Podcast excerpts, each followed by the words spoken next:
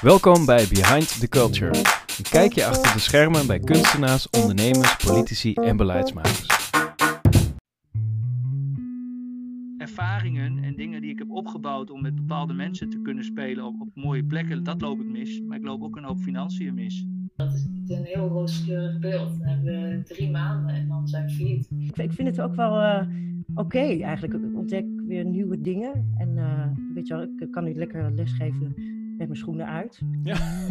ik zou zeggen, heel veel uh, succes en, uh, en we spreken elkaar. Sorry, ik zit weer te hoesten. ja, binnen blijven. Ja, binnen blijven, ja. Zeg maar, zeg jij het dan? Wat is dan het beste? Dat, dit, dit scenario is volstrekt nieuw voor iedereen, weet je wel. Er is ook geen richtlijn nu.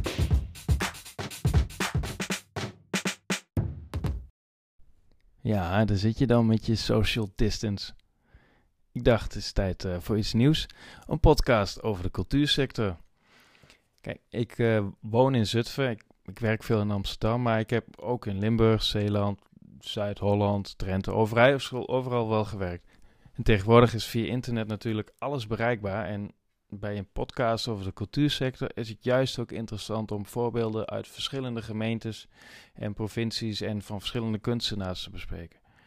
Ik, ik liep al jaren met het idee, maar de directe aanleiding was dat uitgeverij Achterhoek Nieuws mij vroeg om een artikel te schrijven over de impact van corona voor de Achterhoekse cultuursector. Ik belde met diverse gedupeerden en werkte dit uit tot een artikel dat verscheen in de 180.000 huis-aan-huiskranten en ook online bij Achterhoek Nieuws te vinden is.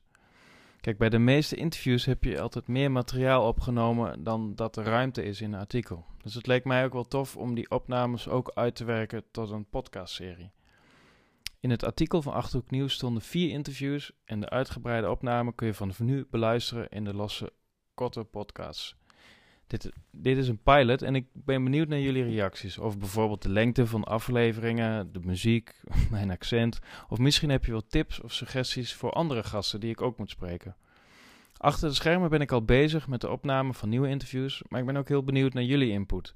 En lees het graag via de comments. Of stuur me een DM via Twitter, at mindnote.nl.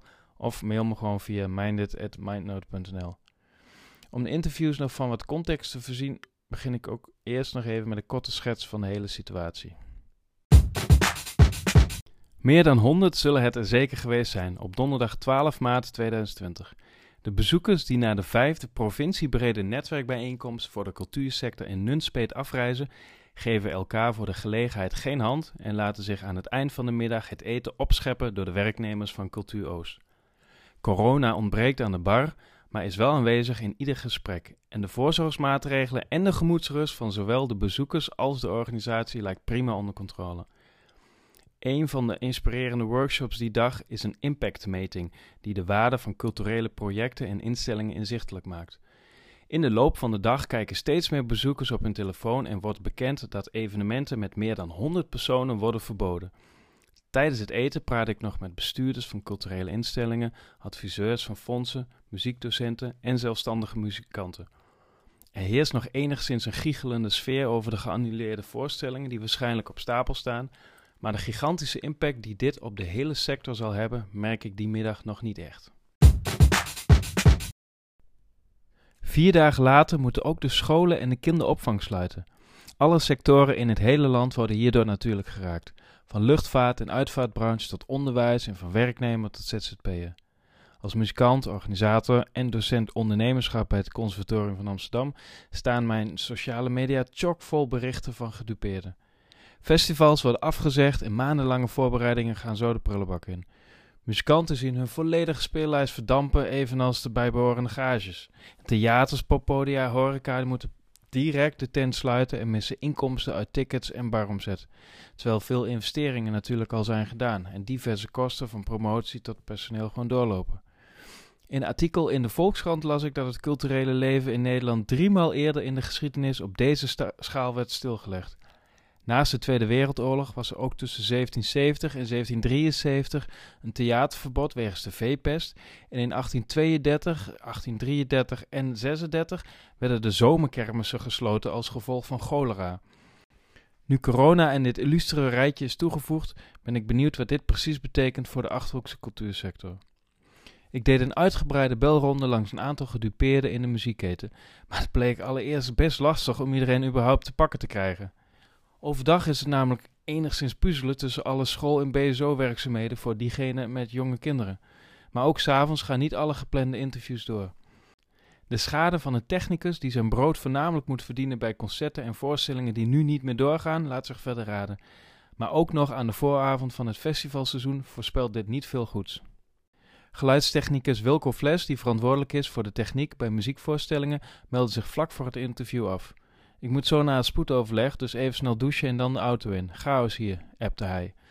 De Doetinchemse zangdocente Cordula Klein-Goldewijk heeft in Utrecht haar eigen lespraktijk voor zangers en zangdocenten. Ik sprak haar op zondag 15 maart, een dag voordat Rutte nog strengere maatregelen aankondigde. Alle bijeenkomsten en evenementen worden afgelast tot 1 juni.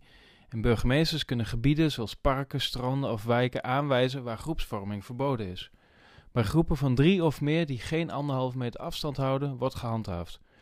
Cordula had een juist voorgevoel door meteen in die eerste week al snel te schakelen. Ja, dus ik heb nu gewoon alles, ik heb mijn hele studio een soort omgebouwd hiervoor. En, uh, nou ja, en dit programma gaan gebruiken en zo. Dus ik, het is uh, voor mij in die zin wel nieuw. En ik doe helemaal geen lessen meer waarbij ik contact heb met mensen, zeg maar. Dus echt alleen maar dit. Ja, want je zou kunnen zeggen van anderhalf meter afstand uh, houden. zou eventueel nog kunnen dat je gewoon de deur open doet en met de roldoekjes afneemt. En doe je ja. zwaaien en... ja, heb ik dat... ook nog wel gedaan hoor. De eerste week of zo, toen het net allemaal begon. Ik had er vrij snel ontsmettingsspul gekocht en zo, en zakdoekjes. Maar ik merkte ook wel dat mensen die, die doen dat niet zo gauw. Zeker in een groep, als, een, weet je, als één iemand het niet doet, dan doet niemand het of zo. En dan moest ik dan gaan zeggen van, hé, hey, je moet wel je handen wassen of zo. Ja, precies, ja. Dus ik dacht, ja, daar ga ik ook niet, uh, niet aan beginnen. En ik heb, ik heb zo'n voorgevoel dat het nog wel even gaat duren. En misschien komt er wel een... Uh, weet je wel, een verbod om naar buiten te gaan of zo. En ik dacht, nou ja, dit is... Een lockdown. Een lockdown, ja, ja, precies. Dus uh, ja, dus, en ik, ik vind het ook wel oké okay, eigenlijk. Ik ontdek weer nieuwe dingen. En uh, weet je wel, ik kan nu lekker lesgeven met mijn schoenen uit. Ja. Super relaxed, knoflook eten. Ja. ja. ja dat zijn ook allemaal chille dingen. En het valt me gewoon heel erg mee. Ik dacht, in het begin is het gewoon spannend om om uit te proberen. Maar het valt me best wel mee. Het, het, is eigenlijk net zoals een gewone les. Alleen, uh, ja, anders. En je moet ook het, iets duidelijker zijn in uh, wie praat wanneer. Ja, ja. Ja, en dat vind ik ook wel chill eigenlijk. Ik ben altijd nogal snel en dan kan ik wel eens over mensen heen praten. En nu, uh, nu moet ik heel een goede oefening om eerst te luisteren en dan te antwoorden. Ja, ja heel goed. Ja, dus je zag voor jezelf ook meteen wel een soort van nieuwe uitdaging en meteen uh, ja, een kans of zo om, om dit op te pakken. Ja. Niet zo van het moet of zo, of nou vooruit, laten we eens proberen meteen, je had er zin in. Zo, zo klinkt het. Ja, ja, eigenlijk wel. Nou, het is natuurlijk, het is gewoon kloten, dat is natuurlijk zo. Maar ik dacht, ik ging wel meteen aan, weet je wel. Ik ging wel meteen in de overleefmodus of zo. Ik heb, ik heb ook wel vaker moeilijke periodes gehad. Ik ben sinds 2005 ZZP'er. En ik heb heel vaak gehad dat ik gewoon tijden had dat ik heel weinig geld had. Of dat er iets gebeurde waardoor ik even niet kon werken of zo. En dan, uh, ja, dan, dan, uh, dan deed ik wel altijd mijn ding. Ik kan, ik kan ook heel goedkoop koken. maar ook heel lekker. Ja, ook wel redelijk lekker. weet je wel. Dus, maar weet je, dus ik heb al, zeg maar, al die overleefmomenten, uh, als het ware, het klinkt een beetje dramatisch, maar dat, dat heb ik wel eens vaker gehad. En ik vind het ook wel, uh, ja, het inspireert me ook wel weer om nieuwe dingen te doen. En ik baal natuurlijk ook als een malle, want ik heb een cursus lopen van een half jaar. En dat was heel tof. En daar waren we net halverwege. En dat loopt nu gewoon stil, want dat is met 16 man. En we zouden in april de studio ingaan. En in mei naar de Echo met een uh, professionele band. En echt een heel groepsgebeuren. Super tof. Oh ja. ja, en dat moet ik nu echt gaan uitstellen. Dus, uh, dus dat, dat vind ik heel jammer. En daar ga ik ook echt op, op verliezen aan inkomsten. Ja, ja. Maar ik, ja, ik denk ook, je moet er maar het beste van maken, weet je wel. Ja. Ik heb nog niet, ook nog niet echt een definitieve beslissing gemaakt over hoe ik het moet uh, gaan oplossen allemaal. Maar ik ga ook proberen om met die groep online les gaan geven. En dat vind ik dan weer een hele toffe uitdaging om te doen. Met die 16 man? Ja, dat ga ik gewoon proberen. Geen idee of dat lukt. ja, ja dan, misschien werkt het voor geen meter. Nou ja, dan weet ik dat ook weer. Maar... Stil allemaal! ja. ja, je kan dus iedereen muten. dat hoorde ik al van andere mensen. Er was Ja. een collega van me, Katja Maria Slotten, die heeft een hele toffe webinar gegeven over hoe dit programma werkt. En die werkt al veel met groepen. Uh, nou ja, dus daar, uh, zeg maar, ik zag haar, haar webinar en toen dacht ik, oh, oké. Dus er zijn echt wel mogelijkheden. En uh, nou, toen meteen dinsdag ben ik mee in de bak gegaan. En ja, weet je, ik heb ook geen, helemaal geen zin om thuis zielig te gaan. Nee, precies. Nee. Nou, dat merk ik sowieso in de hele creatieve sector, met name de muzikantensector, waar ik dan in die bubbel zit. Ik zie heel veel mensen snel schakelen en ja. een nieuwe modus vinden. En vanuit een soort van overlevingsmechanisme van oké, we, gaan, uh, we gaan een nieuwe manier vinden, maar ook om uh, een soort van uh, sociale, altruïstische wijze die, die drumbeats van Misha of zo, die er gewoon online zet van hier, doe ermee ja. alsjeblieft, wereld. En, ja. dus dat vind ik heel mooi om te zien, dat, dat de muzikanten heel snel ja, gewoon iets willen doen of zo. En inderdaad niet zetten van nou mooi, kan ik nu die Netflix-serie afkijken of zo. Ja, ja. ja, precies. Ik denk dat juist als er iemand, een groep, goed is in, in uh, anticiperen en in omgaan met, met situaties met weinig geld bijvoorbeeld. Improviseren. Uh, ja, dat zijn leuke dingen, weet je wel. Dat je elkaar een beetje bezig kan houden en een beetje kan focussen op, op een soort uh, doel in plaats van op, op angst. Weet je, dat zou... Ja.